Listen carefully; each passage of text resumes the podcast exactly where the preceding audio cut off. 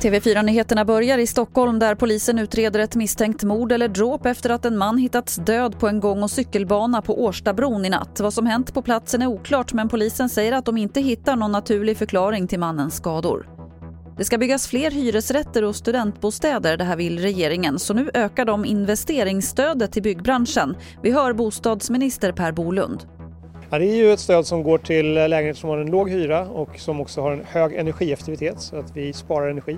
Men eh, sen är det också så att vi säger att var åttonde lägenhet ska gå till en ung person eller en som har svårt att ta sig in på bostadsmarknaden av andra skäl. Men nybyggda lägenheter kan ju vara ganska dyra även om de är små. Kommer unga ha råd med dem? Ja, men när vi nu går in från statens sida och ger ett stöd för byggandet då ställer vi också krav på att man måste faktiskt ha en hyra som människor har råd att betala.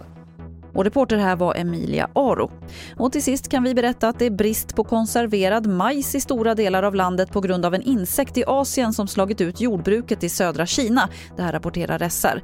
Det är den invasiva höstarmélarven som spridit sig från Afrika till Asien och enligt FN är risken stor att den även sprider sig till Europa. Det var det senaste från TV4 Nyheterna. Jag heter Lotta Wall.